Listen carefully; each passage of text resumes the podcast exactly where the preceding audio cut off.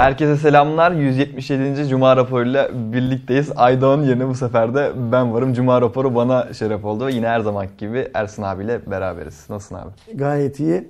Tekkiyi bekleyen çorbayı içer öyle mi? ya, evet, Ya. Aydoğan eğer bir yanındaysa Aynen öyle. burada e, sen varsın. Evet. Şimdi bu hafta Aydoğan Viyana'da hmm, Eren'i hafta Eren'i hafta başında evlendirdik. O e, Mersin'de nikah kıyıldığı için biz hazır bulunamadık. Evet. Buradan Cuma raporunun başında tebrik edelim. Tebrikler. Hayırlı Eray. olsun. Hayırlı olsun. Ee, pazartesi günü işbaşı yaptığı zaman zaten küçük bir program yaparız. Ee, eşiyle birlikte bir araya gelip İstanbul'da da biz Kendisi bir zaten abi. kutlama şekilde. yemeği şey yaparız. Aydoğan'ı çarşamba günü Viyana'ya e, Huawei lansmanına gönderdik. Bugün dönüyor. Ama büyük bir ihtimalle biz bu cuma raporunu yayına aldığımız sıralarda dönecek. Doğru.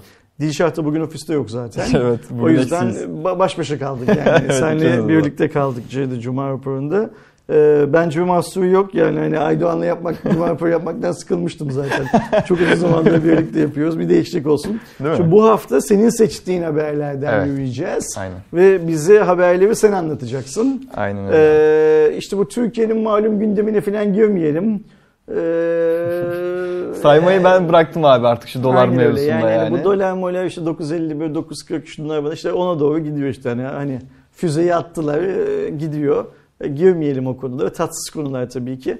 Ama sen e, Bitcoin'in rekoruyla şey yapmışsın, ilk haberi açmışsın. Aynen öyle. İlk haberi alalım senden. Ne oldu Bitcoin dünyasında? Bitcoin dünyasında şöyle bir şey oldu. Neredeyse en yüksek seviyesine ulaştı. Çok uzun zamandan beri e, Bitcoin yeni rekor kırmıyordu ve yeni rekor da geldi. Ayrıca de altcoin'ler de bu şekilde yükseldi. Yaklaşık 65 bin dolarlık rekorunu kırdı ve 67 bin dolar seviyesine ulaştı.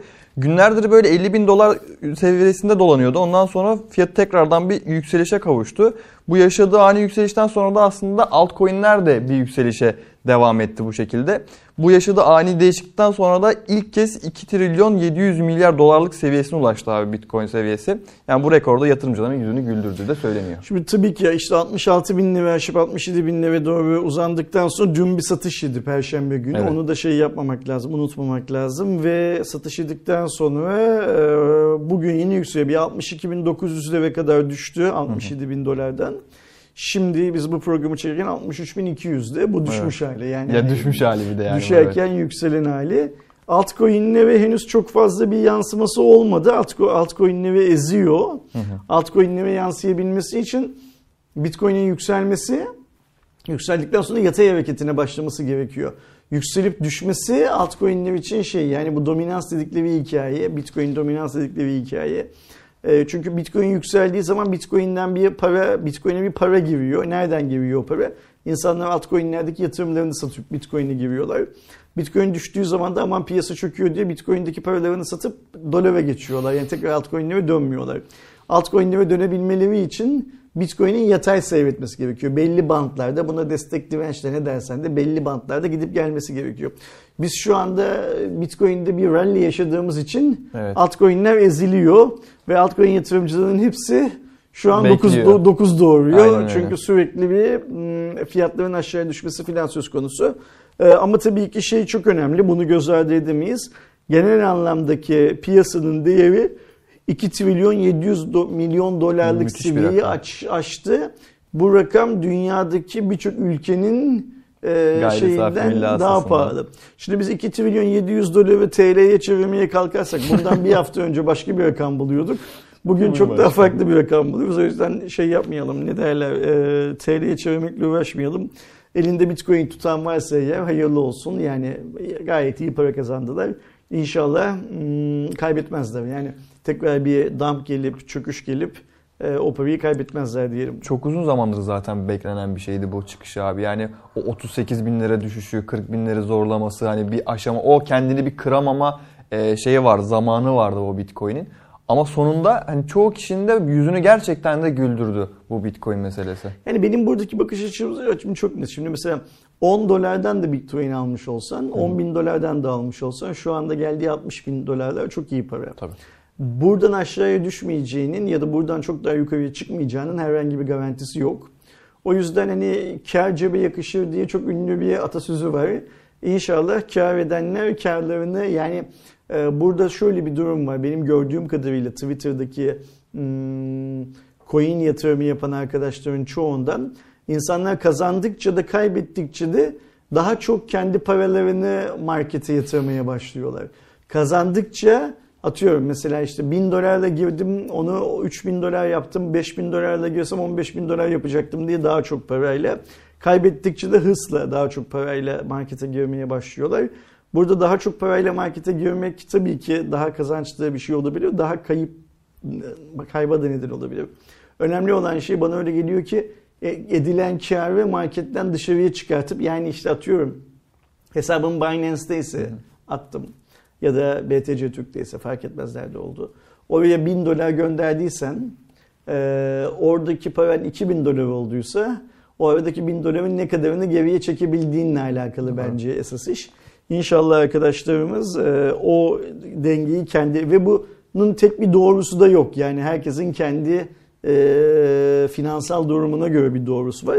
İnşallah arkadaşlarımız yani e, bu Bitcoin yükselişinden kar eden arkadaşlarımız e, o paraları geriye çekip Türkiye'de daha e, huzurlu bir hayat yaşamalarını sağlayacak İnşallah. girişimlerde bulunurlar.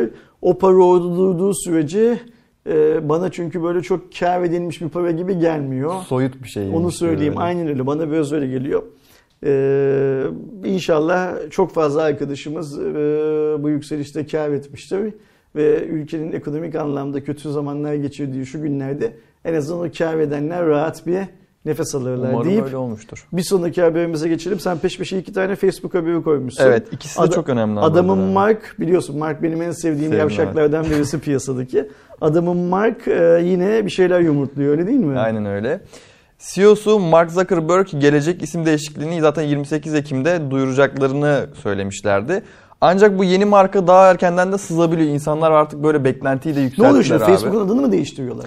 Şöyle bir şey oluyor. Facebook artık kendisi Facebook olmaktan çıkıp sadece bir sosyal platform olarak kalacak burada. Yani Instagram gibi, Messenger gibi bir uygulama olarak kalıp onun yerine daha böyle metaverse dediğimiz olaya giriş yapmak istiyor. Yani bu arttırılmış gerçeklik mevzusunu e, Facebook böyle daha doğrusu Facebook değil artık yeni olacak şirketin ismi bunu daha detaylı bir şekilde bize anlatmayı planlıyorlar. Şurada anlamadım. Ben facebook.com'a bağlanıp şu an yaptığım her şeyi yapmaya devam edecek miyim? Evet yapabileceksin. Yine facebook.com üstünden mi yapacağım? Aynen onu? öyle olacak. Okey değişen ne olacak benim hayatımdaki? Değişen sadece Facebook o markanın o ismin altına girmiş olacak. Ha okey yani ana şirket değişiyor burada. Aynen öyle. Ana okay. şirket değişmiş. Peki ana şirketin şeyi ne? Hedefini arttırılmış gerçeklik mi? Arttırılmış gerçekliği bir üst seviye taşıyıp onun ismine de Metaverse şeklinde lanse etmekmiş. Hmm. Anladım. Bu şekilde bizlere bahsediyorlar ve bundan sonra da şirketin başına bela olan bu kötü olaylarından da vazgeçmeyi planlıyorlarmış. Yani bu işte çökmeler olsun, diğer fazla Facebook'taki geçirilen vakitlerdeki böyle problemler olsun. Onun önüne geçmeyi planlıyorlarmış Mark Zuckerberg ve şirketi. Mark eğer istifa ederse şirket daha huzurlu bir hal alır tabii ki. Evet. Ama e, yönetici değişmediği sürece o apartmandaki sorunlar bitmez. Kesinlikle. Yani esas sorunun kaynağı patrondan e, şeydi Facebook'ta. Peki ne olacak şimdi? Bu ana şirket kendi altında Facebook'u, Instagram'ı, WhatsApp'ı ve belki bundan sonra piyasaya çıkartmayı planladıkları başka başka platformların tamamını barındıracak öyle evet, mi? Aynen öyle olacakmış. Yani İl, bu şekilde de daha e, yaşanılabilir bir dünya hedefliyorlarmış kendilerine göre bunu söylüyorlar. Mark da şey diyor yani daha iyi bir dünya mümkün diyor. Evet, evet öyle o mi? şekilde bir açıklaması varmış okay. güzel slogan bu. Yani hani Kesinlikle. eğer bu sen bu sloganı attığın zaman inanıp peşinden koşan insanlar varsa oluyorsa daha yaşanılabilir bir dünya herkesin hayali tabii ki. Zaten abi Temmuz ayında da yaptığı bir açıklama vardı Mark Zuckerberg'ün. Orada da diyor ki insanların şirketine bakışını bir sosyal medya şirketinden bir metaverse şirketine doğru kaydıracaklarını söylemişti zaten Temmuz ayında. O da Şimdi bu metaverse lafı son zamanlarda çok duyulan bir laf. Tam olarak ne demek metaverse biliyor musun? Tam olarak karşılığını bilmiyorum ama bu dediğim gibi bu arttırılmış gerçeklikle harmanlaşmış bir e, yeni dünya düzeni gibi bir şey. Ben de Metaverse'ün ne o anlama geldiğini bilmiyorum şey olarak. Bizim ilk işimiz büyük bir ihtimalle Metaverse'ün ne anlama geldiğini öğrenmek olsun evet. ki e, işte Mark filan gibi böyle ulvi insanlar Metaverse dedikleri zaman ne söylediklerini anlayalım. Maazallah şimdi Mark diyor diye Bizim ülkemizdeki yöneticiler falan da metaverse lafını kullanmaya bakarlar. Ondan sonra başlarlar. Ondan sonra biz böyle öküzün trene baktığı gibi bu adam ne diyor diye e, anlamaya çalışırız. Sonra kendilerini anlayamayız filan. Kötü olur. Bu arada bir de marka pardon Facebook'a 69.6 milyon dolarlık ceza kitlemişler öyle Aynen mi? güzel bir ceza kitlemişler. Versene o haberi de bize. Facebook geçen yıl büyük GIF platformlarından GIF'i satın almıştı bildiğiniz gibi. 400 milyon dolar karşılığında bu satın almıştı.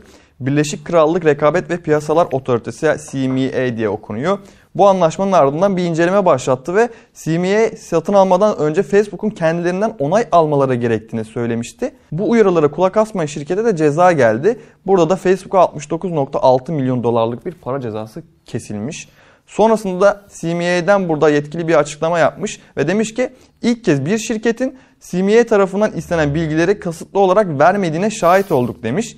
Facebook'un yapılan uyarılara rağmen gerekli bilgileri vermemekte ısrarcı davrandığını da vurgulamış.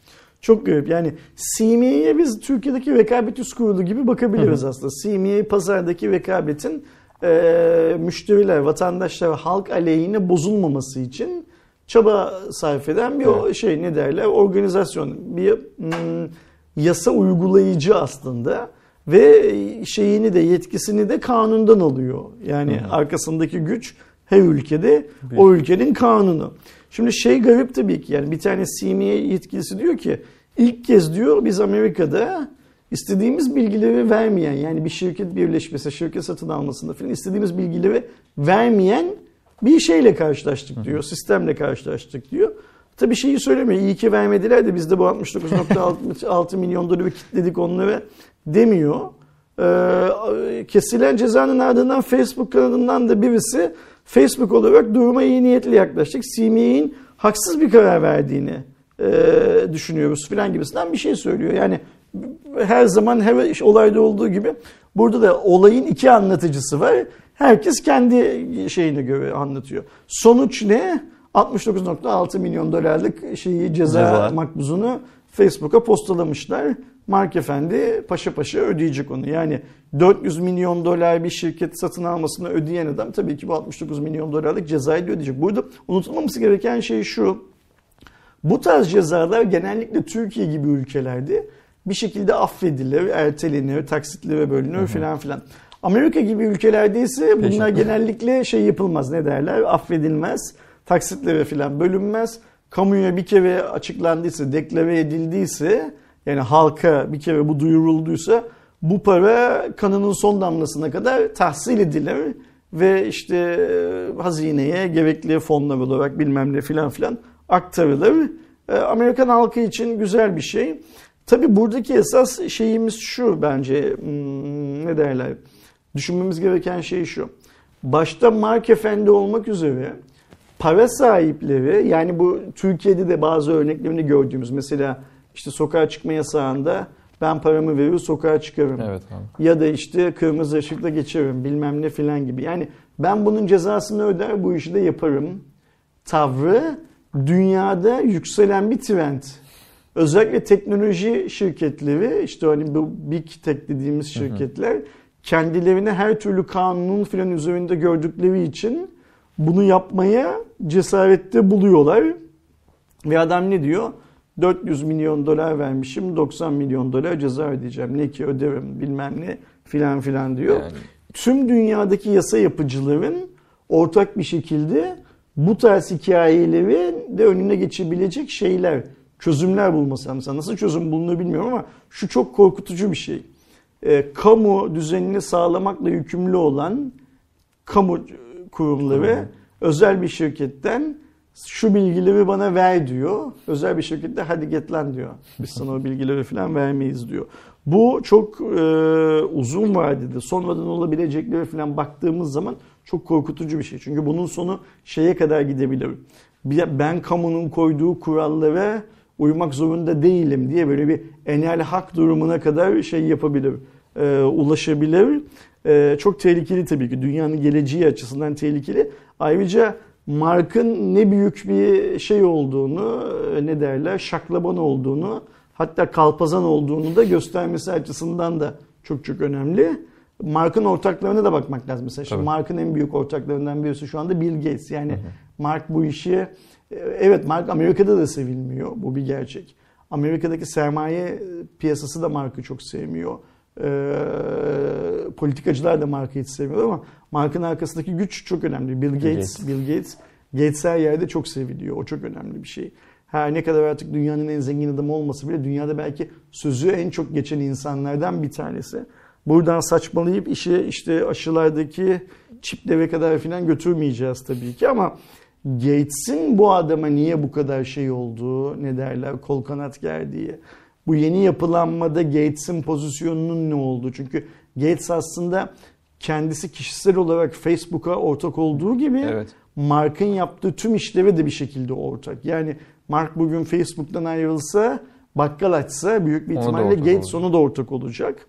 Ee, bu aradaki ilişkinin nasıl bir ilişki olur? Çünkü biz biliyoruz ki Microsoft kanunlar karşısında, dünyanın her yerindeki kanunlar karşısında hep el pençe divan duran bir kurumken hmm. işte Gates'in Microsoft'la ilişkisini bitirdikten sonra ilişkisini bitirmekten kastım şu profesyonel olarak emekli olduktan sonraki yatırım yaptığı en büyük şirket olan Facebook'un Facebook. böyle davranması biraz tabii ki şey Kafalarda bir kar- garip. Abi. Bunların hepsinin çok çok iyi düşünülmesi lazım. Çok çok iyi de takip edilmesi lazım. Yani şimdi e, Gates'in onayı ve haberi olmadan bu belgelerin gönderilmemesi mümkün mü mesela? Böyle değil. bir hikaye var Bence mı? Bence değil. Ya da Gates buna muhalif olsa bu belgelerin gönderilmesini sağlar mıydı? E, Gates'in bile gücü yetmiyorsa neler dönüyor arka tarafta filan gibi ya da Gates'te mi e, artık dönüyor. Aynen öyle. Yani biz biz dediğim bu big tech şirketler kanunların üzerindeyiz pozisyonlamasını Gates'te mi kabul ediyor artık mesela? Bunlar çok çok önemli şeyler. Bunları herkesin bilmesi, düşünmesi ama tabii ki düşünürken de yargılamaya varmaması yani Hı. gerekiyor şey olarak. Garip işler dönüyor. Ben şeyden yanayım. Suç varsa cezanın da uygulanması gerektiğinden yanayım. Suç tespit edilmiş, ceza, ceza kesilmiş. kesilmiş, marka hayırlı olsun deyip Apple haberimize geçelim istiyorsan. Evet bu hafta o Techtober dediğimiz abi e, yurt dışındaki basında Techtober'ı yaşadık yani bu hafta. Birçok lansman oldu ve bunlardan bir tanesini de Apple gerçekleştirdi. Apple'ın yeni MacBook'larını gördük ve yeni işlemcilerini de burada birlikte gördük. M1'in üstüne ne koyabilir diye insanlar düşünüyorken Apple çıktı ve dedi ki ben M1 Pro ve M1 Max çıkarıyorum alın size işlemci böyle yapılır gibisinden bir e, söylemde bulundu hatta. Ve MacBook'lara da artık çentik geldi. Çentikle beraber ekran kasa oranı yükselmesine rağmen çentikle beraber insanların da tepkisini çektiler burada. Ayrıyetten de yine HomePod mini ve AirPods 3'ü de tanıttılar. Ve bizim de çok alay ettiğimizde e, bir parlatma bezi mevzumuz da var abi. 200 liraya da onu da satışını Türkiye'de açtılar. 200 liraymış ama çok iyi parlatıyormuş. Öyle, öyle diyorlar yani hani. Yani bilemiyorum abi hani. Bu bezden 10 tane alıp her yerini bununla silecek olan adamlar tanıyorum ben. Hatta silerken video çekip paylaşacak olanlar falan da var içlerinde. Bak götümü ne güzel temizledim e, filan diye. E, onu da görürüz kısmetse. Yani o videolar çıkar yakında. Evet. Biz bebeğimizin altına yapalım parlatma beziyle temizliyoruz. Bilmem ne filan şeyleri de çıkar. Ee, bir zenginlik göstergesi olarak bunu kullanacak olanlar da vardı. Ben hmm, bu lansmanın niyeyse e, biraz abartıldığını düşünüyorum Apple lansmanının. Yani Apple'ın elinde M2 yok şu anda. Hı hı. M2'yi geliştiremiyor işte. İster, ister bu şeyde çip krizi, çip krizi de ister M1'in zaten hala rakipsiz olması yüzünden diyelim. Ama işte M1'e şey yapıp ne derler overclock edip bir şekilde bu e, M1 Pro bilmem ne filan filan M1 Max gibi işlemciler ürettiler. Hmm, Amerika için hala iyi fiyatlar. Evet. Yani burada önemli olan şey şu. E, hangi marka için olursa olsun sadece Apple için değil.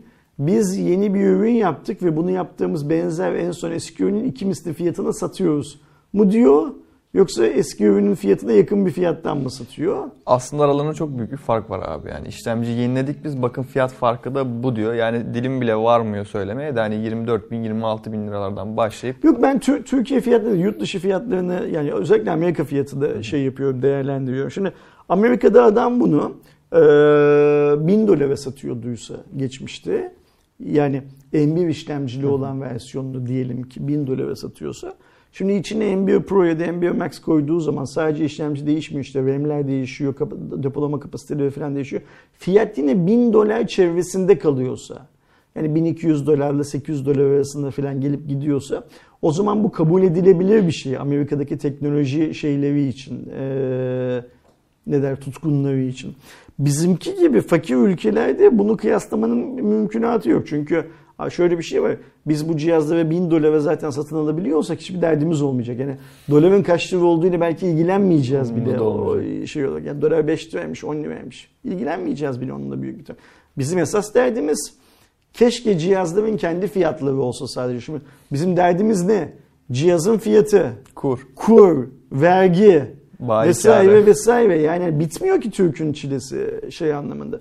O yüzden artık diyorum ya yeni ürünleri Türkiye'de fiyat bazında kıyaslama yapmak mümkün değil. Yani ben bunu 2021 başından beri söylüyorum.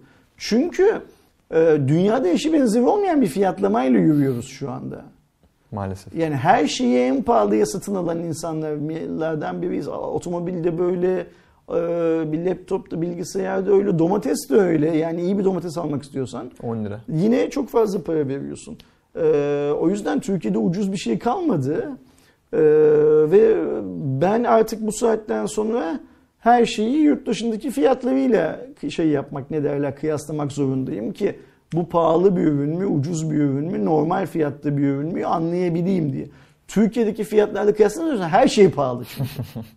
Ürünün 1000 dolarlık ürün olması gibi ürün 500 dolarlık ürün olduğu zaman da Türkiye'de pahalı artık şey anlamında. Apple'ın ben e, yeni bir şeyler yapıp fiyatı öyle çok da fazla yukarıya çıkarmamış olmasına değer veriyorum bu işte. Ama e, yenilik göreceksek biz M1'in çok çok daha iyisini yenilik olarak görebiliyoruz. Ha, Apple bunu yapabilir durumda mı?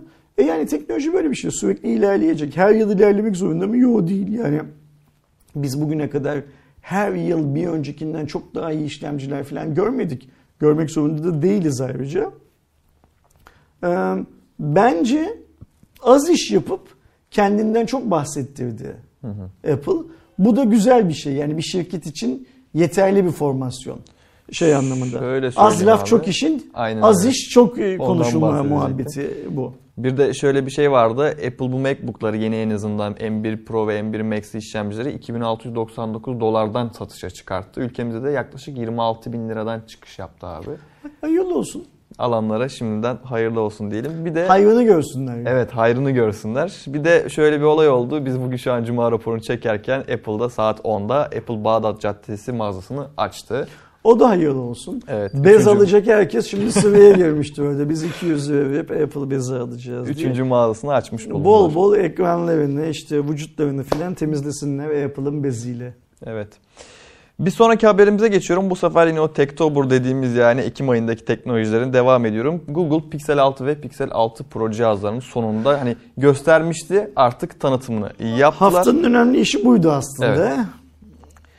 Bu Şubat ayında duyurulan ve ilk betası sürüme çıkan Android 12'yi de aynı şekilde Google burada kendi cihazlarına en azından sundu. Pixel 3, Pixel 3X Large, 3A X Large, 4, 4X Large, 4A, 4A, 5G ve Pixel 5 ve 5A cihazlarına da Android 12 geldi. Yakın zamanda da diğer markalarda aynı şekilde bu cihazları Sen bu lansmanı izledin mi? Ben bu lansmanı izledim. Ee, sen şeyi nasıl buluyorsun? Pixel 6'da kullanılan yeni işlemci Tensor'un performansını nasıl buluyorsun? Google'un burada çok saçma bir işe girdiğini ben düşünüyorum abi. En azından neden şöyle onu söyleyeceğim. Dedi ki benim bir ambargom var. Bir değil iki ambargom var dedi. İlk önce insanlara kutu açılışı için bir ambargo verdi. Sonrasında da inceleme için bir ambargo verdi. Ve hiçbir şekilde telefonun ne arayüzü, ne kamerası, ne işlemcisi hakkında hiçbir şekilde bir bilgi bile alamadık daha. Şu an hiçbir şey yok dünyada. Yok, yani, yani bugün geldiğimiz şekilde. noktada şeyi biliyoruz. Ee, uygu, e, şirket Amerika'daki yayıncılarla cihazı paylaştı. Evet. Bunu biliyoruz. İnsanlar cihazı kullandıklarını beyan ediyorlar. Ama cihazla ilgili henüz herhangi bir paylaşım yapmaları yasak. Evet yani şey kutu açılışlarını falan yayınladılar. İşte ya tasarımı güzelmiş ya falan filan gibisinden böyle ufak tefek nüanslara değindiler ama Yani benim cihaz paylaşım yapmaya yasak değil. Mesela hiçbirisi şu anda atıyorum herhangi bir benchmark yazılımından Yok. kaç puan aldığını, nasıl fotoğraf çektiğini paylaşamadıkları gibi yorumda yapamıyorlar Evet. konuyla ilgili. O NDA bittiği zaman, o yasak bittiği zaman bu tensörün ne menen bir şey olduğunu bütün dünya ile birlikte biz de öğreneceğiz. Kesinlikle. Niye böyle bir yasak koyduğunu anlamak mümkün değil. Ya Apple lansmanı, Huawei lansmanı, hmm, Sony, Samsung lansmanı arasında sıyrılmak için bunu yaptı. Belki. Ya da gerçekten muazzam bir şey çıkacak ortaya. O çıkan şeyi bam bam bam diye vurmak istiyor insanların kafasına. Ya da öyle yaptı diye şey yapıyorum varsayıyorum. Çünkü biz bundan önceki Pixel lansmanlarında bu tarz bir ambargoyla Karşılaşmadık. karşılaşmamıştık. Haberdar değildik böyle bir şeyden.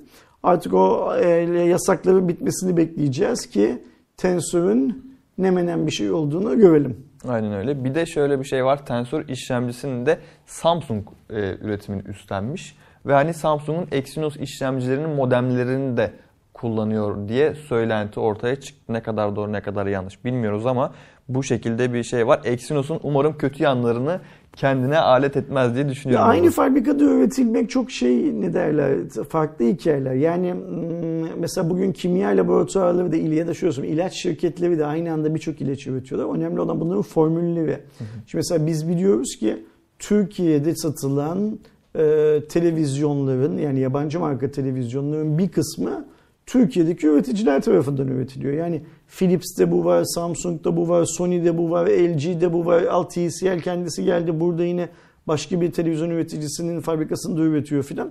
Burada önemli olan şey e, her hepsinin reçetesi ayrı. Yani reçetesi ayrı dediğim şöyle bir şey var.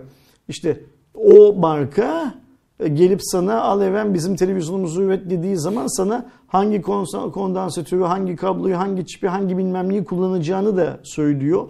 Senin satın almalarını kontrol ediyor. Hatta belki ham maddeyi de doğrudan sana o gönderiyor filan. Yani senin kendini ürettiğinle onu ürettiğin aynı ürün değil aslında. Şey olarak. O yüzden e, Samsung'un tesislerinde üretilmiş olması bence normal. Çünkü dünyada bunu üretebilecek 50 tane e, Şirket fabrika yok. yok zaten. Evet, Yani marka ya Samsung'u ürettireceksin. Yani şeyi düşünmek lazım. Qualcomm'un da şeyi yok. e, Gücü yok onu üretmeye. Çip üretme fabrikası yok. Qualcomm tasarlayabiliyor. Belli bir yere kadar getiriyor işi. Ama o getirdiği yerden sonra o da ba- başkalarından destek almak zorunda kalıyor ya. O yüzden yani bu şey değil. Çok büyük sorun değil. Ben hala tüm bu olanlara rağmen Tensor'dan şeyim. Umutluyum. Ve e, büyük bir merakla şeyin kalkmasını bekliyorum. E, Ambargo. NDA'nin ambargonun kalkmasını bekliyorum. Bir görelim bakalım elimizde üzerine konuşacak bir şey olacak mı? Yoksa Evet. yaşandı bitti saygısızca mı? Yani ne olacak göreceğiz o da. Bir de şöyle bir şey var. Google bu cihazları ilk önce Twitter'dan bir duyuruyla zaten ne olduklarını herkese bir açıkladı. Ben de lansmanını bu zaman yapacağım diye bir beklenti yarattı. Aynen öyle. Çok yüksek tuttular beklentiyi ve şimdiye kadar Google'un yaptığı Pixel ailesindeki en gerçekten böyle en dikkat çekici telefonlar olmayı da başardılar. Pixel 6'nın fiyatı 650 dolardan başlıyor. Pixel 6 Pro'nun da 900 dolardan da satışa çıkacakmış Amerika ve diğer Avrupa ülkelerinde bu şekilde. Bir sonraki haberimizde dün Aydoğan'ın katıldığı abi Huawei'nin lansmanı. Huawei Nova 9'un Avrupa lansmanını gerçekleştirdi. Tanıtımda Nova'nın ayrıcında da burada lipstick olan kulaklığını tanıttılar ve ayrıca bir de kendi saatlerinde burada tanıtmış oldular. Ben lipstick'i beğendim. Evet değişik Yani bir tasarım Aydoğan var. kutu açılışında falan ezmiş cihazı biraz dün akşam yayınladığımız videoda. Ama ben beğendim ve yine şey diye düşündüm. Ya bu çok güzel bir şey. Niye daha önce başka bir şirket bunu yapmayı akıl etmemiş falan diye düşündüm. Yani biz kulaklıkları niyeyse böyle kulaklık kutularının enlemesine olmasına e, Alıştık. alıştık ya. Diklemesine mesela ben hatırlıyorum. Vakti zamanında TP-Link'te ona benzer bir tane power bank çıkarmıştı. Yine böyle ruj gibi kutusu olan ince falan. O da güzeldi. Bu da güzel. E, Sesine bakmak lazım şey olarak.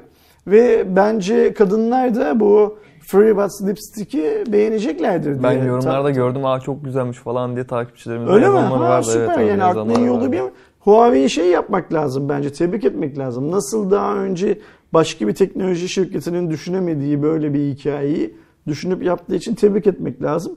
Ama bizim tabii ki esas ilgimizi çeken şey Nova 9 öyle değil mi? Aynen öyle. Hemen bahsedelim ondan da. Boyut kısmına baktığımızda 160 mm'lik bir boyu, 73.7 mm'lik eni ve 7.8 mm'lik de bir inceliğe sahip. Ekran tarafında ise 6.57 inç ekranı var. OLED bir ekran, Full HD Plus ve 120 Hz'lik bir ekran tazeleme oranı bize sunuyor ki gerçekten bu da çok güzel. Sonrasında Snapdragon 778 işlemcisini gördük artık. Huawei'nin Snapdragon'a da geçtiğini görmüş olduk. 8 GB RAM ve 128 GB depolamaya sahip 256'lık versiyonu var ama büyük ihtimalle bize gelmeyecek. Aydoğan da o şekilde bahsetti. Kamera tarafında da burada 50 megapiksel, 8 megapiksel, 2 ve 2 olmak üzere 4 tane arka kamera kurulumumuz var. Ön tarafta da 32 megapiksellik bir selfie kameramız bulunuyor. Batarya tarafında ise 4300 mAh'lik bir batarya var ve 66 wattlık bir hızlı şarjı da destekliyor. Yaklaşık olarak da 499-500 euroluk da bir Avrupa fiyatı var abi. Şimdi 500 euro ucuz değil Evet. ama pahalı da değil yani Avrupa için. Ucuz değil, pahalı değil. Türkiye'de ne kadar satacaklar bilemeyiz. Tabii ki şu anda Huawei Türkiye ekibi biliyordur kaç- ne kadar satılacağını. Şimdi Huawei'nin bugüne kadar fiyatlandırmalarına baktığımız zaman hiçbir zaman fiyattan taviz vermeyen bir şirket Huawei. Bu sefer sanki biraz vermesi gerekiyor. Niye vermesi gerekiyor? Huawei'nin bir şekilde geriye dönüş cihazı bu. Sadece Türkiye'de değil bütün Avrupa'da olarak, evet. geriye dönüş. Hatta haklısın bütün dünyada geriye dönüş cihazı. Mesela işte cihazın Pro'sunun tanıtılmamış olması Avrupa'da çok önemli. Bence fiyat yükselmesin diye bunu yapıyor. Ayrıca daha fazla Qualcomm işlemci kullanmamak için de yapıyor. Tek modelle devam edelim. Ve bence ben öyle düşünüyorum emin değilim ama bence Huawei bu Snapdragon işlemcileri kullanarak yayınladığı cihazları pazarda tutunmak adına Evet. yayınlıyor, yayınlayacak. Yani e, insanların ister istemez ambargo yüzünden Huawei markasından vazgeçen insanlara biz buradayız, biz buradayız demek için şey yapacak, yayınlayacak. Çünkü bu cihazın aynısını zaten Çin'de kendisi şey yapabiliyor ne derler, kendi bildiği gibi yapıyor. Nova 9'un bizim için önemi ne? Bizim için önemi e, birincisi işletim sistemi. İlk kez biz o işletim sistemini elimize alıp e, bir telefonda m, doğuştan harmonili olan bir telefonda kullanma şansı yakalayacağız. İşte Aydoğan'ın elinde şimdi var. Bu akşam bizim ofise de gelecek. Göreceğiz ne olduğunu. Şöyle güzel bir yanı var.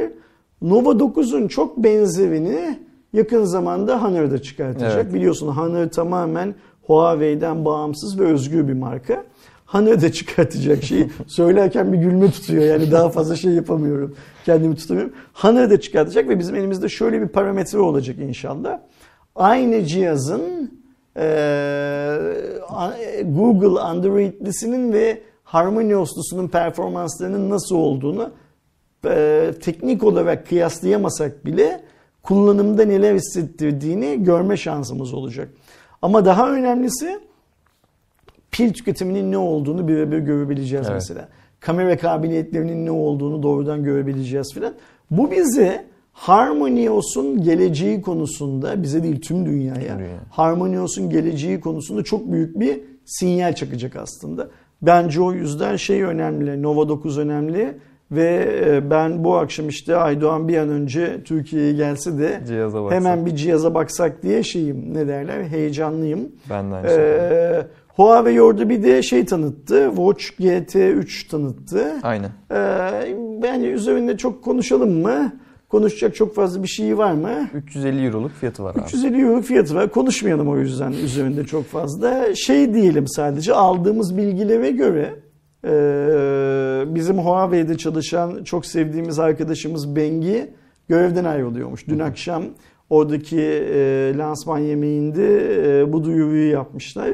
Kendisine yeni hayatında buradan da başarılar dileyelim. Başarılar. Bengi'nin görevlerini de doğru anladıysam eğer galiba bizim Kaan. Kaan Arlı devralıyormuş. Kaan'ı da hem başarılar dileyelim hem tebrikler e, gönderelim buradan.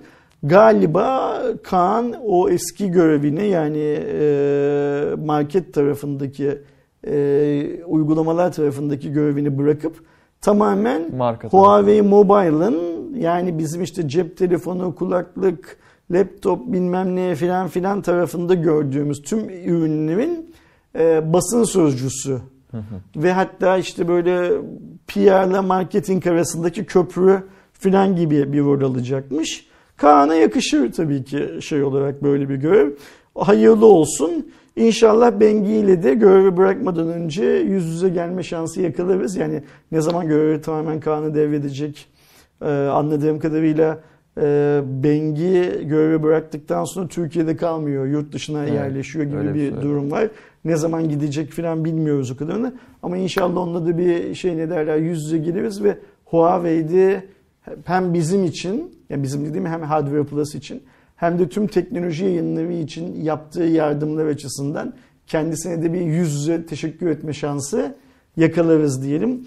Her şey onların gönlünce olsun. Yeter ki mutlu olsunlar. Yani Bengi yurt dışında Kaan, Kaan yeni, yeni mutlu olsunlar. Biz onların mutluluğundan en nihayetinde şey yaparız. Ne derler? Mutluluk duyuyoruz. Huawei de bu arada kefeni yırtarsa çok daha mutlu oluruz. Çünkü Evet. Nova 9 Huawei'nin kefenden çıkıp çıkamayacağını gösterecek olan cihaz Evet. olacak ya. O yüzden bizim için yani Türkiye'deki teknoloji yayıncıları için bu lansmanın çok Önemi çok büyük abi evet. şeyi aslında. oldu. Çok haberler geldi. Sevindiğimiz, aa ne dediğimiz filan filan. Ee, hepimiz için hayırlısı olsun diyelim ve Xiaomi'nin Redmi Note 11'ine geçelim. Evet, Xiaomi bu benim yaptığım bir haberdi aslında özel bir haberdi. Dünyada çok fazla duyulmadı. Ee, ben de denk geldiğimde e, haberini yazmıştım. Xiaomi'den Redmi Note 10 11 ailesi artık böyle gümbür gümbür gelmeye başlıyor. Üzerinden böyle yaklaşık 6-7 ay olmasına rağmen Weibo'da bildiğiniz gibi Çin'in çok e, sükse yapan bir teknoloji sitesi. Hatta teknoloji değil çoğu şeyin paylaşıldığı Hı hı. bir forum gibi bir haber sitesi. Burada Redmi Note 10 11'in kendi görselleri yayınlandı yani. Şimdi Weibo'nun şöyle bir özelliği var. Weibo'nun takipçileri arasında Çin'de bu işlevi yapan çok fazla insan var. Evet. Yani atıyorum Xiaomi'de çalışan tasarımcılar, ürün müdürleri, şunlar Onlar bunlar filan filan onların çoğu belki Xiaomi'de çalışmaya başlamadan önce Weibo üyesiydiler. Evet. Ve Xiaomi'de bu arkadaşlardan sonra çalışacak olan aynı gençler de büyük bir ihtimalle Weibo üyesi. Yani Weibo bir teknoloji sitesi olmakla birlikte muazzam bir Çinli ekosisteme sahip olan bir site. O yüzden de birçok şey Weibo'ya öncelikli olarak düşüyor. Yani Weibo'nun hiç kimseye gelin burada paylaşın bilmem ne falan dediği yok ama insanlar ister istemez. Weibo ile paylaşıyorlar. Ay- ay. Ya da Weibo'da paylaşıyorlar bunu. Aynen öyle. Bir de 28 Ekim'de tanıtımının yapılacağını da Xiaomi tarafından da Weibo'da onaylanmış. Ee, cihaza baktığımızda böyle köşeli tasarım artık böyle Apple'ın izinden giden markalarında e, görmeye başlıyoruz. JBL'le bir işbirliği vardı zaten Xiaomi'nin. Bunu artık orta seviye, orta üst segment de diyebiliriz artık. O seviyeye kadar indirdiğini de görüyoruz. Bakalım neler bekleyecek bizi. Tabii ki sadece 11 değil 11 Pro'su, Lite'ı, işte S modeli gibisinden birçok modelini de görmeye başlayacağız yıl bitmeden. GBL'i e, Redmi cihazlarda görmek bence çok he, şey de derler heyecan verici. Evet. Yani burada da tabii ki şeye bakacağız. Şimdi GBL'li Redmi Note 11'in Çin satış fiyatı GBL'siz Redmi Note 10'dan ne kadar Satacak. yukarıda? Yani fiyat olarak ne kadar yukarıdaya bakacağız. Eğer e, aynı fiyat ya da çok az bir fark varsa o zaman ne mutlu diyeceğiz. Ayrıca GBL desteğiyle birlikte acaba kutunun içine bir kulaklığın girme ihtimali de var mı? Çok büyük sükse olur o zaman. Yani çünkü niye? Kutudan kulaklığı çıkarma işini başlatan markalar Çinli markalar olduğu için kutuya tekrar kulaklık koyma işini de bunlar başlatabilirler. Niye başlatırlar? Hazır büyük şirketler bundan vazgeçmişken, vazgeçiyorken biz yürüyelim diye yapabilirler. O yüzden bence Redmi Note 11 tabii ki gelecek. Yani Redmi'nin lansman tarihlerine bakıyor olursak zamanı zaten duyurulması için. Her yıl bu zamanlarda duyuruluyor bu.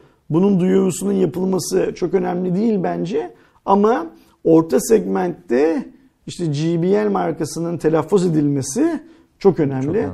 Biz belki orta segmentte bunu burada görünce Samsung'da da e, Samsung'un elinde ne markalar var şey olarak. Başka bir şeyler görmeye başlıyoruz. O yüzden güzel bir hareket.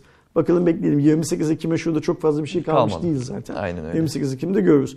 Türkler uzaya gidiyor öyle mi? Aynen bir sonraki haberimiz bu sefer ülkemizden geliyor. Türkiye Uzay Ajansı 5 yıllık kalkınma planını açıkladı.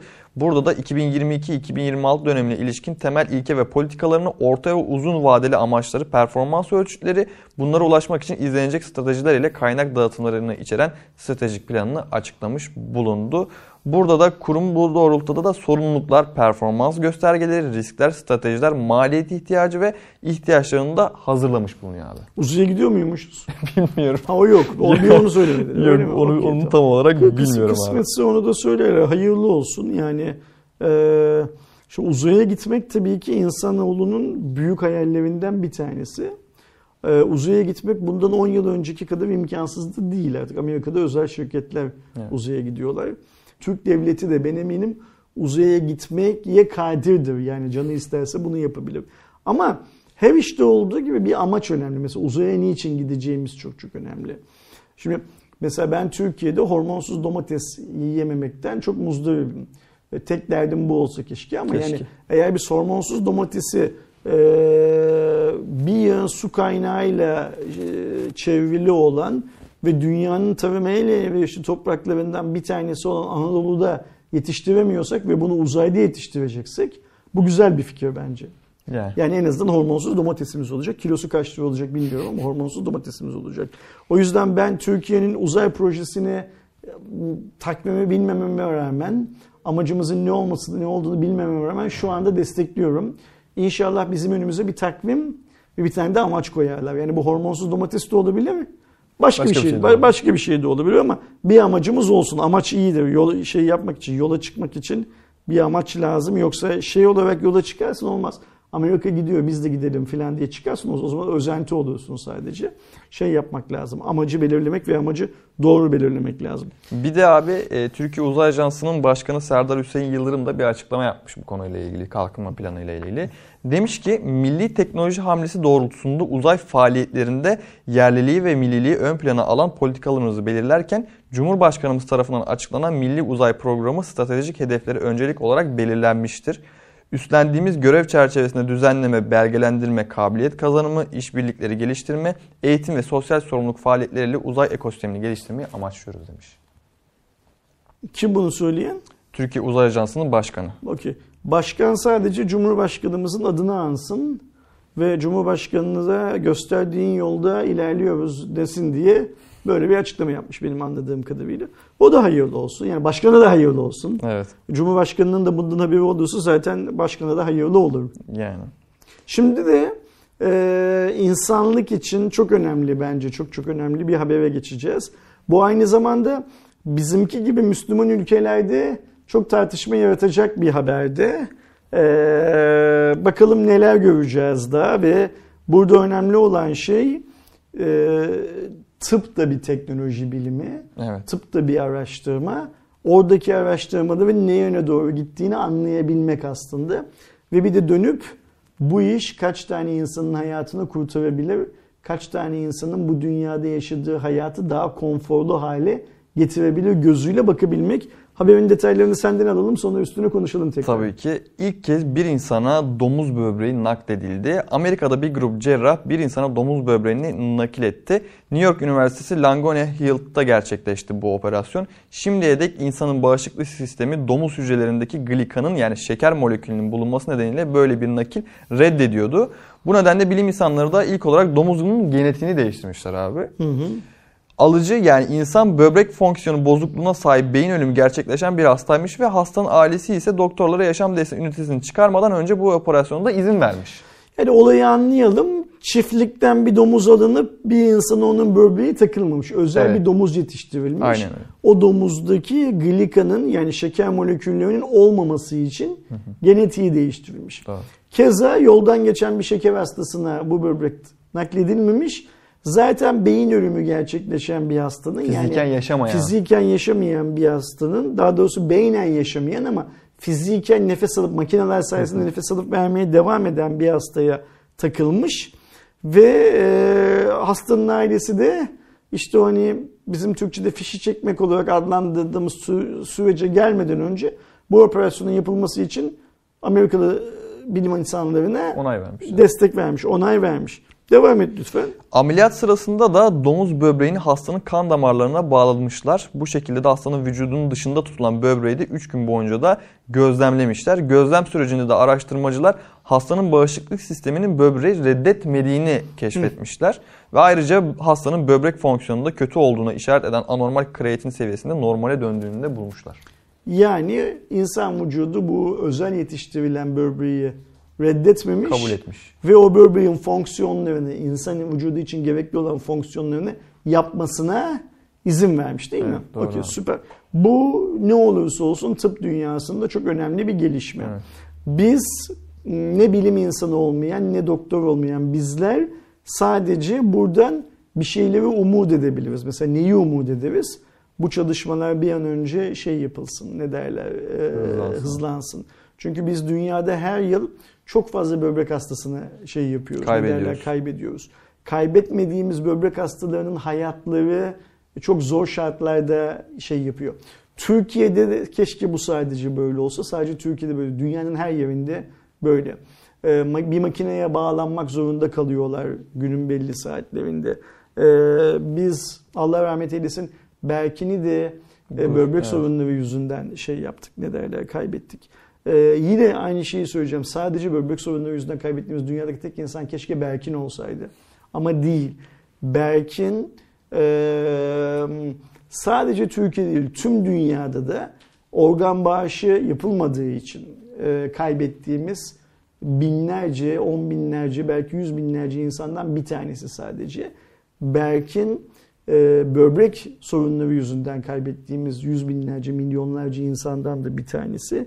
E, ne yazık ki e, böbrek konusunda yapılan çalışmaların hiçbirisi bugüne kadar biliyorsun e, insan vücudu dışında böbrek üretmeyi falan da deniyor doktorlar bir yandan. Hatta yine bir domuz bünyesinde insan böbreği üretmek falan gibi çalışmalar da. Hiçbirisi olgunlaşamıyor şey anlamında, hmm, kullanılabilirlik anlamında. Eğer bu olgunlaşırsa yani böbrek nakli bekleyen hastalara biz eğer başka bir hayvanda üretilen domuzun e, böbreğin şey yapıldığını, transfer edilebildiğini şey yaparsak, görürsek o zaman yüz binlerce insanın da hayatını kurtarmak gibi bir şeyimiz olur. Ne derler? Kesinlikle. Şansımız olur. Ha burada e, dini inançları gereği ben bu operasyonu kabul ediyorum, etmiyorum falan diyecek olan insanlar mutlaka çıkacaktır. Buna bir bireysel tercih olarak bakmak lazım. E, başka bir şekilde şey yapmamak, ne derler, isimlendirmemek lazım. E, bu aynen şey gibi. Aşıyı olursun, yaşarsın. Aşıyı olmazsan hastanede aşı olmayanların büyük bir çoğunun öldüğünü görüyoruz. E, Senin de ölme ihtimalin var gibi bir durum. Ama ilk önce e, bilim insanlarının bu şeyi ne derler sistemi daha çok tekrar etmeleri, sorun yaşanmadığı konusunda daha emin olmaları ve hadi artık biz bunu beyin fonksiyonları durmuş bir hastaya değil, fiziki olarak bir hastaya. Atıyorum herhangi bir trafik kazasından Mesela sonra. Berkin'e yaşasaydı. Mesela Berkin'e. Ahmet'e, John'a, Jennifer'a birine yapalım ve sürecin ne olacağını hep birlikte izleyelim demeleri aşamasına gelmesi gerekiyor. İnşallah Eren ömrümüz yeter. Biz Cuma raporundan hatırlıyor musunuz böyle böyle bir haber vermiştik. Bu haberin devamında da incelemeler devam etti. Ve tüm dünyadaki milyonlarca böbrek hastası için artık yeni bir umut var diye onun duyurusunu da yaparız inşallah. Umarım yaparız abi. Ben de çok istiyorum. Ben en azından dünyadaki bu hastalıkların bir nebze olsun da azaldığını ve bizi mutlu etmesini istiyorum artık. İnsanların böyle kanserden çok öldüğünü, e, ondan sonra böyle bir organ eksikliğinden, bir uzuv eksikliğinden yaşamına etki edecek bir şekilde devam ettirmemesinden çok e, Şimdi muzdarım. teknolojiyi sadece cep telefonu, Apple'ın yaptığı işler falan diye algılamak çok yanlış zaten. Teknoloji ne olursa olsun insanın hayatını daha konforlu ve daha rahat sürmesini sağlamak zorunda. Evet. Yoksa Apple'ın işte yeni işlemcisi bilmem nesi falan bunlar işin şey kısımları, küçük kısımları. Teknoloji sağlık alanında da çok ileri kullanılıyor. Ee, sağlık teknolojisi çok önemli. Dünyanın her ülkesinde sağlık konulu yüz binlerce araştırma yapılıyor. Ve biz, ve biz bu yüz binlerce araştırmanın tamamından tek bir şey bekliyoruz aslında. Bir gün daha konforlu yaşama. Aynen öyle. Yani e, belki bazı insanların insan ömrünü uzatma bilmem ne filan filan gibi beklentileri de olabiliyor. Bu şey değil. Yabana atılacak, gülünecek bilmem ne filan bir beklenti değil ama şunu unutmamak lazım. Dünya üzerindeki insanların büyük çoğunluğu bazı sağlık sorunlarından muzdaripler. E, adı o olsun, adı bu olsun. Yani böbrek olsun, kanser olsun, başka bir şey olsun. Ve tüm bu teknolojik geliştirmeler bizi bir gün daha fazla mutlu yaşamamızı sağlamak üzerine kurulmalı. Ee, inşallah o zaman şeyi söyleyelim. Ömrümüz sadece bu habere değil, böbrek konusu değil, birçok farklı sağlık e, sorunuyla ilgili mutlu mutlu haberleri arkadaşlarımızla paylaşmaya yetsin diyelim. İnşallah. Benim aklıma şu geldi abi. Ee, insanları böyle çıktı ya bir ara Google'un işte böyle e, parçaları değiştirilebilen telefon işte 50 megapiksel çıkar 12 megapiksel tak pilini de büyüt falan. Aynı şekilde bizde de olacak mı atıyorum. Google yapamadı biliyorsun. Evet yapamadı vallahi. yapamadı. Hani böyle kendi ciğerini çıkarıp atıyorum bir çitanın ciğerini falan böyle o haddeye gelecek mi teknoloji gerçekten çok merak ediyorum. Veya böyle iyice mekanikleşecek miyiz? Onu merak ediyorum. bu üzerinde konuştuğumuz haber çitanın değil ama işte senin için üretilmiş bir böbreğin senin vücuduna Evet. takılması falan ya. Aslında senin söylediğin şeyi temelde gerçekleştirebilecek bir proje bu. Evet doğru. Ee, çünkü burada şöyle bir şey var. Bu iş bir kere yapılabilir forma büründükten sonra yapılan şey sadece böbrekle Kalmaz. kalmayacaktır büyük bir ihtimalle. Araştırmalar başka uzuvlar, başka organlar için de gelişmeye devam edecek. Nitekim biz fareler üzerinde insan kulağı geliştirilmesi filan gibi şeyleri de yani kıkırdak insan vücuduna uyumlu kıkırdağın Evet. geliştirilmesi gibi şeyleri de izliyoruz bir yandan. O yüzden e, evde kendi kendine yapabileceğin süpermarketten alıp ya da işte internetten sipariş verip kendi kendine yapabileceğin bir operasyon değil ama Değil.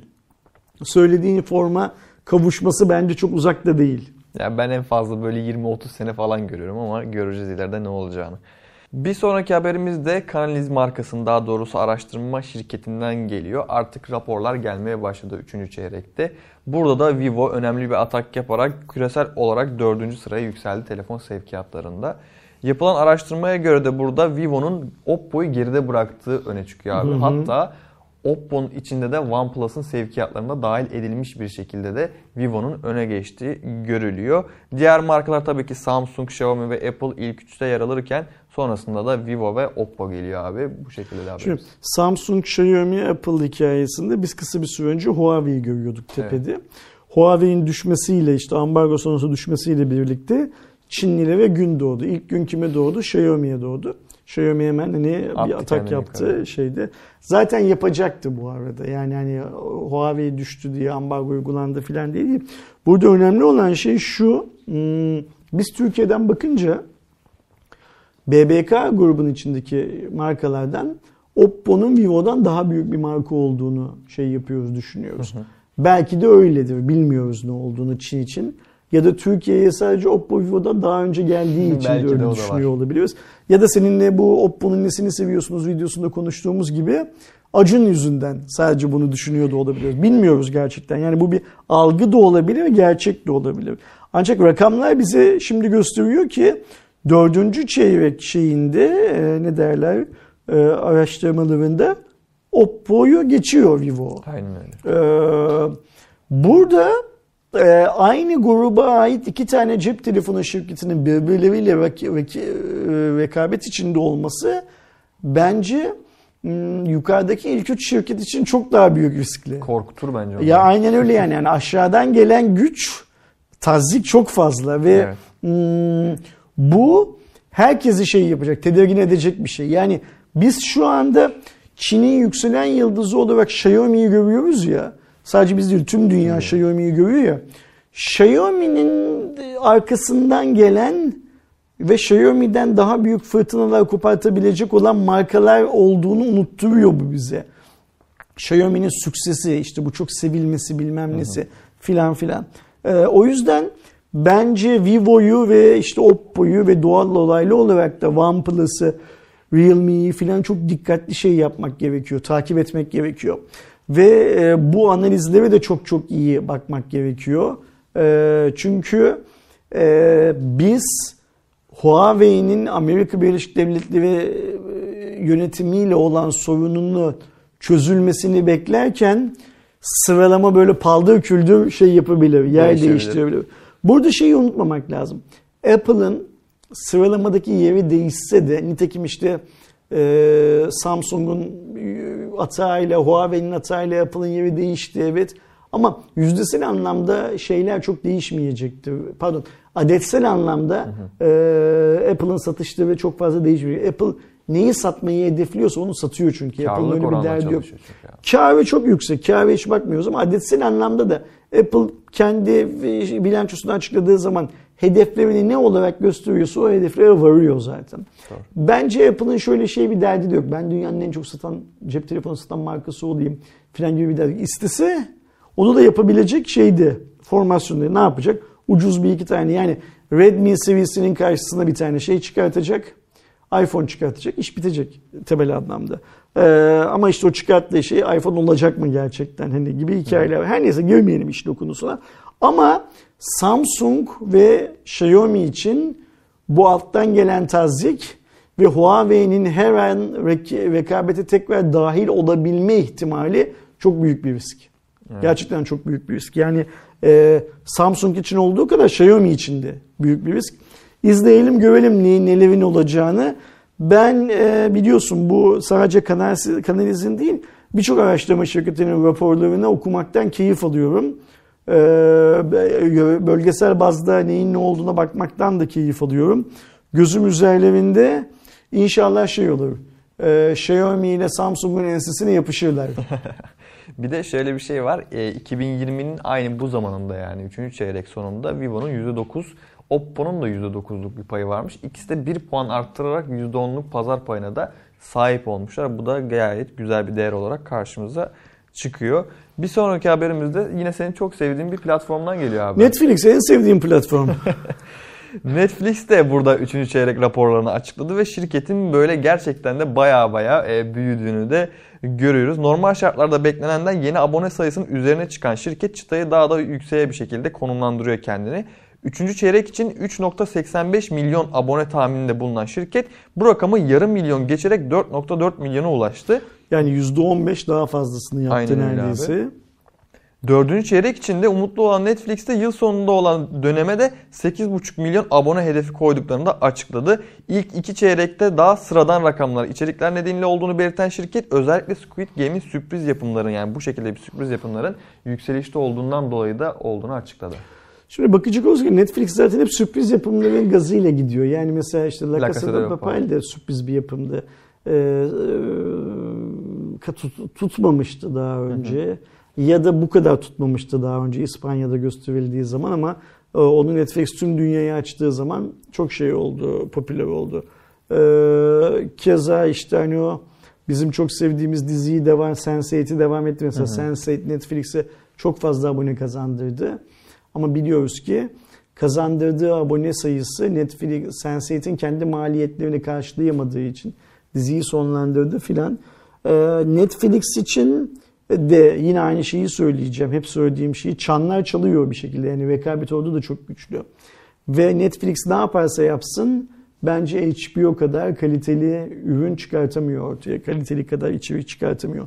Sayısal anlamda daha çok içerik çıkartıyor. Bu bir gerçek. Evet. Ama işte ni- nitelik nicelik hikayesi burada da söz konusu. Ee, 8,5 milyon abone çok büyük bir rakam. Yani Evet, şöyle büyük bir rakam. İlk 6 ay 4.4 milyona ulaşıyorlar. Hedef 3.85 miydi 75 miydi? Hedefi Hedef 3.85 iken 4.4'e ulaşıyorlar. Şu 4.4'ün iki misli 8.8 yapar. Koydukları kendilerine planda 8.5 yani çok yakın ve de- demek ki ikinci çeyrekte de tekrar çe- pardon ikinci yarıda da 6 aylık bazda yine rekor kırmayı hedefliyorlar demek ki. Çok iyi gideceğiz filan formundalar. Süper vallahi yani hani ben bir Netflix abonesi olmadığım için şey değilim bu e, 4.4 milyon ya da 8.5 milyon insan arasında değilim büyük bir ihtimalle. Ama hayretle izliyorum. Yani bu büyüme daha nereye kadar gidecek hayretle izliyorum. Fakat Netflix'te her şey İyi planlandığı gibi gitmiyor galiba değil mi? Aynen öyle. Bir sorun var. Nedir o sorun? Netflix'in trans çalışanları protesto düzenlemiş abi.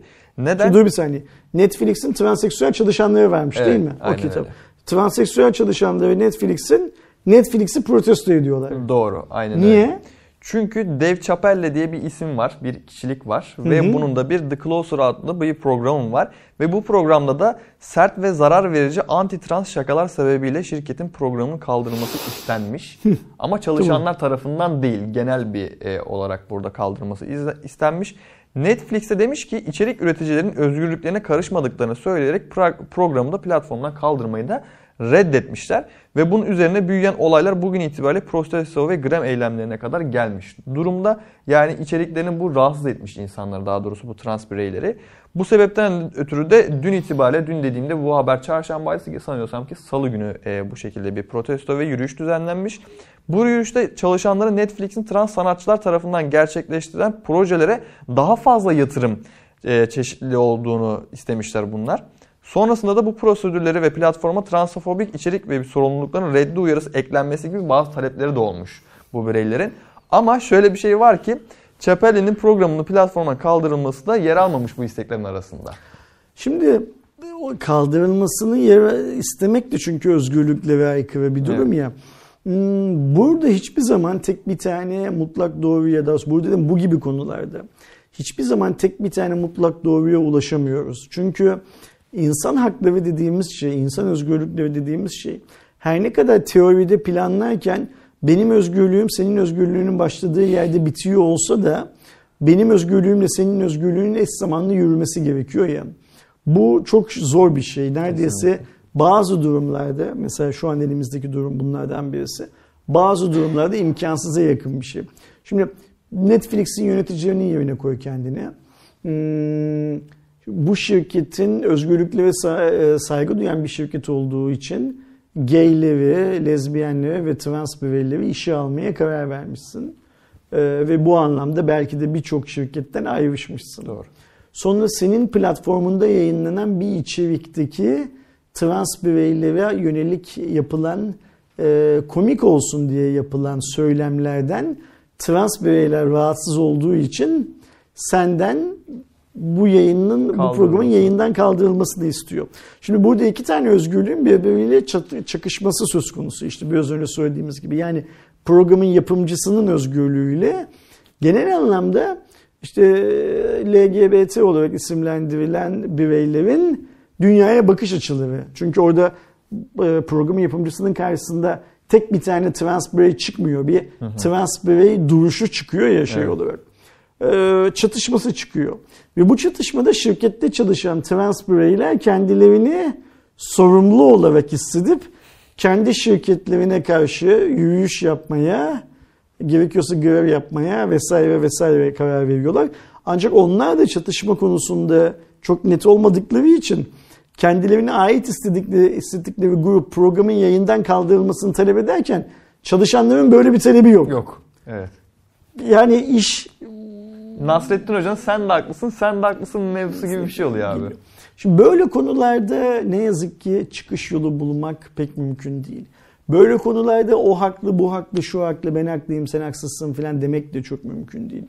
Ee, Biz dünya tarihi üzerinde bu tarz konuların din odaklı çoğu tartışmada bugüne kadar zaten yaşandığını biliyoruz. İşte günümüzde de özgürlük ülkesi denilen Amerika'nın eşcinselliği eleştir şey, eşcinselliği popülerleştirmekle suçlanılan Netflix isimli şirketinin başına trans bireylerle ilgili böyle bir olay gelebiliyor. Yani iş kendi içinde de çok şey. Şimdi mesela dün bu olaydan bir gün önce Netflix'in yöneticilerine bunu sorsan ya bizim trans bireylerle ne sorunumuz olabilir ki Yani. filan diyecekken bir gün sonra içinden çıkılmaz bir sorun sarmalının içinde bulabiliyor ya kendisini. Burada yapılabilecek olan tek şey bizim ülke topraklarımızda çok az bulunan hoşgörüye sığınmak.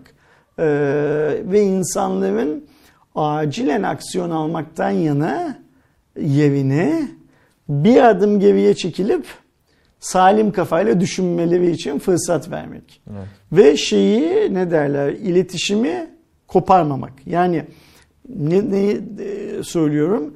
Ee, bence Netflix'in trans çalışanları programın yayından kaldırılması gibi bir taleplerinin olmadığını dile getirerek zaten ılımlı bir muhalefet gösteriyorlar burada. Şimdi yapılması gereken şey şu.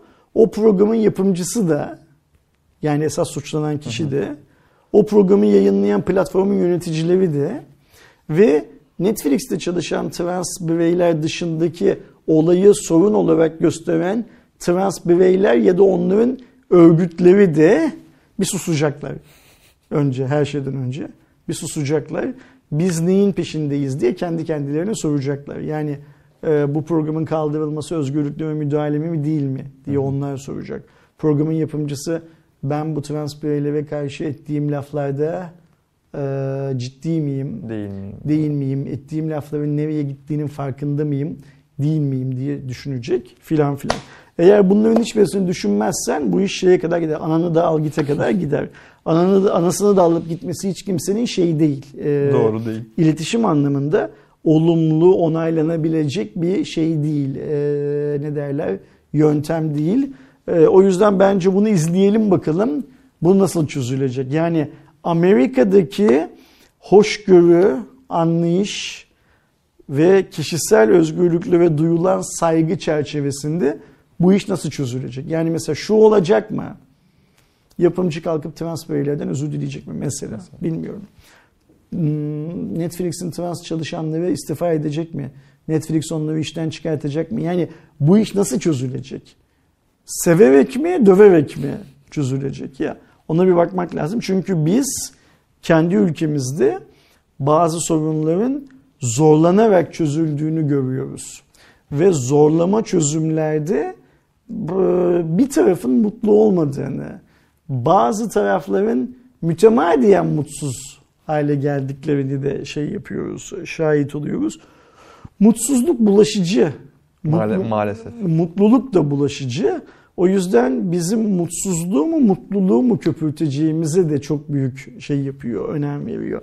Yani mesela buradan yola çıkarak, buradaki uzlaşı yönteminden yola çıkarak Türkiye'deki belki uzlaşı yöntemleri üzerine de bir şey geliştiriyoruz. Ve buradaki geliştirici uzlaşı yöntemi şu. İşte Türkiye'nin de bir pride sorunu var bana soracak olursan. Evet. Yani hani bu pride sorunu bundan 5 yıl önce yokken Şimdi. bugün var şey anlamında. Hmm, Pride'e katılan hmm, gay arkadaşlarımızın diyelim ya da gay insanların ya da trans bireylerin diyelim e, akrabaları, anneleri, babaları da bazı durumlarda orada olmak zorunda hissediyorlar kendilerini. Sadece kendi akrabasına, sevgilisine, kardeşine, çoluğuna, çocuğuna bir başkası zarar vermesin diye. Ve o bir başkası bazen devlet yoluyla yetkilendirilmiş emniyet görevlisi olabilirken bazen yoldan geçen herhangi birisi bazen oraya kendince ipne dörmek için geldiğini söyleyen eli sopalı zorbalar bilmem ne filan da olabiliyor ya. Ee, mesela biz Netflix'in bu işi nasıl çözeceğinden yola çıkarak bence Pride için bir çözüm Türkiye'deki Pride sorunu için nasıl bir çözüm bulacağımızın projeksiyonlarını canımız isterse yapabiliriz belki. Bilmiyorum. Ha bunu yapmak canımız ister mi? Canımız istemez mi? O ayrı mevzu tabii ki. Yine iş dönüyor dolaşıyor. Karşılıklı hakların ve özgürlüklerin bir başka hakkı ve özgürlüğe ne kadar teyit geçtiği, ne kadar iç içe girdiği filan durumlarla şey yapıyor, çatışıyor. Ama bu tarz olayların tamamına öğretici olaylar olarak bakarsak eğer ve hep bunlardan bir şeyler öğrenmeye çalışırsak bence tüm insanlık için daha faydalı olur. Kesinlikle ben de düşünüyorum abi. Bir sonraki haberimiz de yine ülkemizden geliyor. Ford Otosan'ın geliştirdiği yerli şanzıman görücüye çıkmış abi. Ford Otosan geliştirdiği bu yerli şanzıman da Eskişehir fabrikasında düzenlenen törenle görücüye çıkarılmış. Ağır ticari araçlarda kullanılmak üzere geliştirilen şanzıman sayesinde Ford Otosan motor, aks ve şanzıman üçlüsünü geliştiren ve üreten sayılı global marka kamyon üreticilerinden bir tanesi olmuş. Yerli EcoTorque şanzıman adı verilen bu şanzıman 58 milyon euro yatırım ve TÜBİTAK'ın 13.5 milyon TL'lik ARGE teşviki ile Ford Otosan mühendisleri tarafından tasarlanıp geliştirilmiş. 5 yıldır üzerinde çalışılan şanzıman 1 milyon kilometreye aşkın yolda farklı koşullarda da test edilmiş. Ford Otosan'ın geliştirdiği şanzıman diğer üreticilere tedarik etme ihtimali de bulunuyormuş. Süper çok güzel. Bunlar çok güzel haberler. Yani bunu Ford Otosan'ın işte bizim Anadolu toprakları dediğimiz Türkiye'de yapıyor olması Burada çalışan Türk mühendislerin 5 yıl boyunca buraya şey dökmeleri, ter dökmeleri, Ford Otosan'ın 53 milyon euro bu işe yatırım yapması. 58 milyon euro. 58 milyon özür diliyorum. TÜBİTAK'ın buna 13,5 milyon lira arge teşviği vermesi. Hepsi bunların çok çok sevindirici Evet. şeyler. Başka markaların da bu şanzımanı alıp kullanabilme ihtimali en sevindirici Çok şey. iyi olur. İsteriz ki inşallah biz e, dünyadaki o segmentteki çoğu kamyonda Ford Otosan'ın ürettiği e, ve lisansı tamamen kendinde olan şanzımanlar kullanılır hale gelsin. Çünkü hmm, bilim böyle bir şey. Yani bilimin peşinde koşarak araştırma yapmak böyle bir şey. Eğer bu Eco Torque denilen Ford Otosan'ın ürettiği şanzıman başarılı olursa o zaman Ford Otosan bünyesinden birçok daha farklı projenin de hayata geçme imkanı olur. Biz biliyorsun bu Covid derdi yüzünden artık Türkiye'de yaşamayan iki tane bilim insanımızın bütün dünyaya hangi anlamda örnek olduklarını duyduk. Onlarla gurur duyduk. Ve hepimizin içinde de şöyle bir ukde oldu. Keşke bu işi Almanya'da kurulmuş olan bir şirkette değil, Ülkemizde. Türkiye'de kurdukları bir şirkette yapsaydılar dedik. Hepimiz dedik bunu. Yani kendi kendimize söyledik, düşündük, ima ettik filan filan. İşte Ford Otosan hazır yapmış bunu zaten. Evet, çok Ve e, bak 58 milyon euro yatırım az, bu, az buz bir para değil. 58 milyon euroyu eğer sadece Ekotok projesine yatırdılarsa orada devam eden sonuçlanma ihtimali olan daha ne projeler vardır. Evet. Ve Türkiye'ye bunların hepsi ihracat geliri olarak Geri dönecek. geri dönebilir. Geri dönebilme ihtimali var. Bizim en çok ihtiyacımız olan şey Türkiye'de üretim. Ne üretebiliyorsak üretim. Türkiye'nin en büyük dertlerinden birisi üretim. Ford Otosan, EcoTorque üretsin, dünyaya satsın. Başka bir şey istemeyiz biz Ford Otosan'dan. Tabii. E, TÜBİTAK'tan da başka bir şey istemeyiz. Yani TÜBİTAK'ta 58 milyon euro gibi devasa bir yatırımın yanında devede kulak kalacak 13,5 milyon TL'lik bir yatırım yapmış. E, destek olmuş daha doğrusu. Eyvallah o da yeter. Köstek olmaktansa bu da yeter.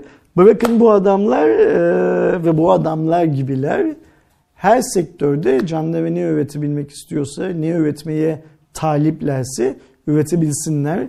Burada işte şey giriyor ortaya içi içine. Bırakınız yapsınlar, bırakınız etsinler olayı giriyor. Bırakalım yapsınlar, en güzelini yapsınlar. Kesinlikle. Yani bu hoşaf mevzusundan sonra TÜBİTAK'ın e, böyle projelere yer vermesi ve destek vermesi. TÜBİTAK, TÜBİTAK açısından da çok başarılı tabii ki. Yani gelişme var en azından diye nitelendirebiliriz. Ek olarak da şundan bahsetmek istiyoruz yani haberin detaylarında. Burada hem manuel hem de otomatik şanzıman olarak da e, üretimi prototipinde iyi yapılmış. Yani bu da gerçekten güzel. Yani iki koldan da yürüyor olmaları da gayet güzel Yani bir şey. kullanılabilirliğinin çok yüksek olduğu anlamında. Evet. Aynen öyle. Son haberimiz bu sefer yine Ersin abinin çok sevdiği bir kişilik olan e, adamdan geliyor. Trump abi. Donald Trump hastasıyız değil mi Donald Trump'ın? E, Trump'tan sosyal medya girişimi var. Truth Social diye bir platform çıkaracakmış. Kendileri Amerika'nın eski başkanı Donald Trump Facebook ve Twitter'a rakip Truth Social adlı platform kuracaklarını açıkladı. Taliban'ın Twitter'da aktif olduğunu ancak en çok sevilen Amerika'nın eski başkanının susturulduğunu belirten Trump bu olayın kabul edilemez olduğunu savundu. Sosyal medya girişimini kurduklarını açıklayan Trump Truth Social dahil adlı bir platform olacağını da altını çizmiş. Hayırlı olsun Sayın Donald Trump'a. Şimdi hmm, Donald Trump tabii ki muhtemelen Türkiye'ye hiç gelmediği için her ölümlü elbet e, şeyi tadacaktır hikayesinden. bir ölümü. Her canlı elbet ölümü, ölümü tadacaktır hikayesinden. işte bu pamuk mevzundan filan şey habersiz. Bir de şeyi de bilmiyor büyük bir ihtimalle. E, mezarlıkların kendilerinin vazgeçilmez olduğunu düşünen insanlarla dolu olduğunu filan da bilmiyor. Ve kendisini şey yapıyor ne derler e, fasulye gibi nimetten sayıyor. Bu Trump'ın kişisel bir sorunu. Ancak Trump'ın böyle kişisel bir sorunu olmakla birlikte e, şey söyleminde çok haklı. Yani Taliban bile Twitter'da bir şeyler söyleyebiliyorken Amerika Birleşik Devletleri'nin bir eski başkanı, en sevilen olup olmadığını bilmiyorum. Bir eski başkanının Twitter'daki hesabını kapatılıyor olması çok da hakkaniyetli bir şey değil. Değil. Ne derler? Davranış değil. Bunu da kabul etmek lazım. Yine neye döneceğiz? İşte Big Tech, dünyaya kafa tutuyor hikayesine döneceğiz. Bu çünkü en güzel örneklerden birisi. Ha Trump Medya ve Teknoloji Grubu olarak adlandırılan şirketin Truth Social'ı tutturup tutturamayacağı muamma tabii ki. Dünyadaki ilk sosyal medya platformu, arkadaşlık platformu Facebook değil. Bunu unutmayalım. Hı hı. Facebook adını bilmeden önce Türkiye'de bile birçok Facebook benzeri arkadaşlık sitesi, çöp çatan sitesi bilmem ne filan vardı. Yani sosyal medya Facebook'la şey olmadı ne derler e, hayatımıza girmedi. E, bunlar vardı zaten. Hele Twitter Facebook'tan çok daha eski bir şey hı hı. E, yapılanma zaten. Ancak burada önemli olan şey şu. Başarılı olanların 100 katı kadar başarısız olan proje var. Dünyanın her yerinde. Keza Türkiye'de de var bir yıl başarısız olan proje. Şimdi hmm, Trump'ın Truth Social'ı hangi tarafta yer alacak? Yani e, yaşayanların tarafında mı? e, öbür tarafta mı kendine yer alacak? Ve Trump bir de şu var. Twitter'daki kadar takipçiye ulaşsa bile Twitter'daki kadar etkili bir fonksiyonu olacak. Bak unutma. Trump, Rahip Brunson olaylarında 2-3 tane tweet atarak bir önceki dolar krizimizi yaşamamıza neden Doğru. oldu. Bu Trump'ın tek başına Amerika Birleşik Devletleri Başkanı olarak gücünden kaynaklanan bir şey değildi. Twitter'ın da gücü de orada birleşti bilmem ne filan. Şimdi Truth Social'da ya da XYZ platformda Trump bu kadar güçlü olabilecek mi gibi başka hikayeler de var. Yani burada şunu söylemeye çalışıyorum. Ee, Birçok dünya devi olan şirket kendilerine Facebook'u, Twitter'ı, Instagram'ı bilmem neyi falan rakip alamayacaklarını bildikleri için bugüne kadar bu işe girmediler. Şimdi Trump giriyor. Niye? Çünkü kendisinin bir platforma ihtiyacı var. Hı hı. Evde oturup sabahtan akşama kadar o Twitter'da ne söylemiş, bu orada ne yazmışa bakmak adamı Adam da gaz yapıyor tabii ki. Yani bir de işte arada sırada gör, buradan anladığımız kadarıyla ben Amerika Birleşik Devletleri'nin eski ve en sevilen başkanıyım diye Söyle kendi kendini de gaza getiriyor şey anlamında. Şimdi 2022'nin ilk çeyreğinde bu işin betası bitecekmiş. Aynen öyle abi. Ve biz büyük bir ihtimalle 2022'nin yazında gelin canlar bir olalım şeyini ne derler duyurusunu Trump'tan duyuyoruz. Yani büyük bir ihtimal burada şöyle olur. Trump ben hesabımı açtım sizi bekliyorum filan diye bir duyuru yapacaktır büyük bir ihtimalle. Bu yeni şeyde e, platformda adı Truth Social olan platformda bir açıklama yapacaktır.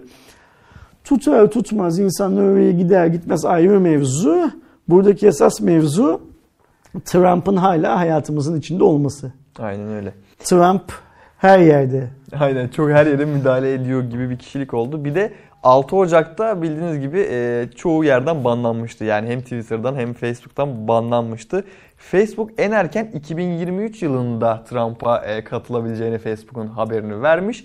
Ancak Twitter ise kesinlikle ve kesinlikle bir daha Twitter'a ay- ayak basamayacağını söylemiş. İşte bu Facebook'un tabii abuk subuk kuralları var. Yani mesela işte bazen birinin profilini de kafasına göre kapatıyor. Mesela senin başına geldi işte. Evet. Senin profilini kapattı mesaj atmayı yasaklıyor bilmem ne yapıyor filan böyle yani Facebook böyle mesela en erken 2023 yılında geriye dönersin Mesela demiş. Ne, yani? ne demek yani yani bunun bir net tarihi yok mu yoksa orada Facebook tanrıları oturmuşlar.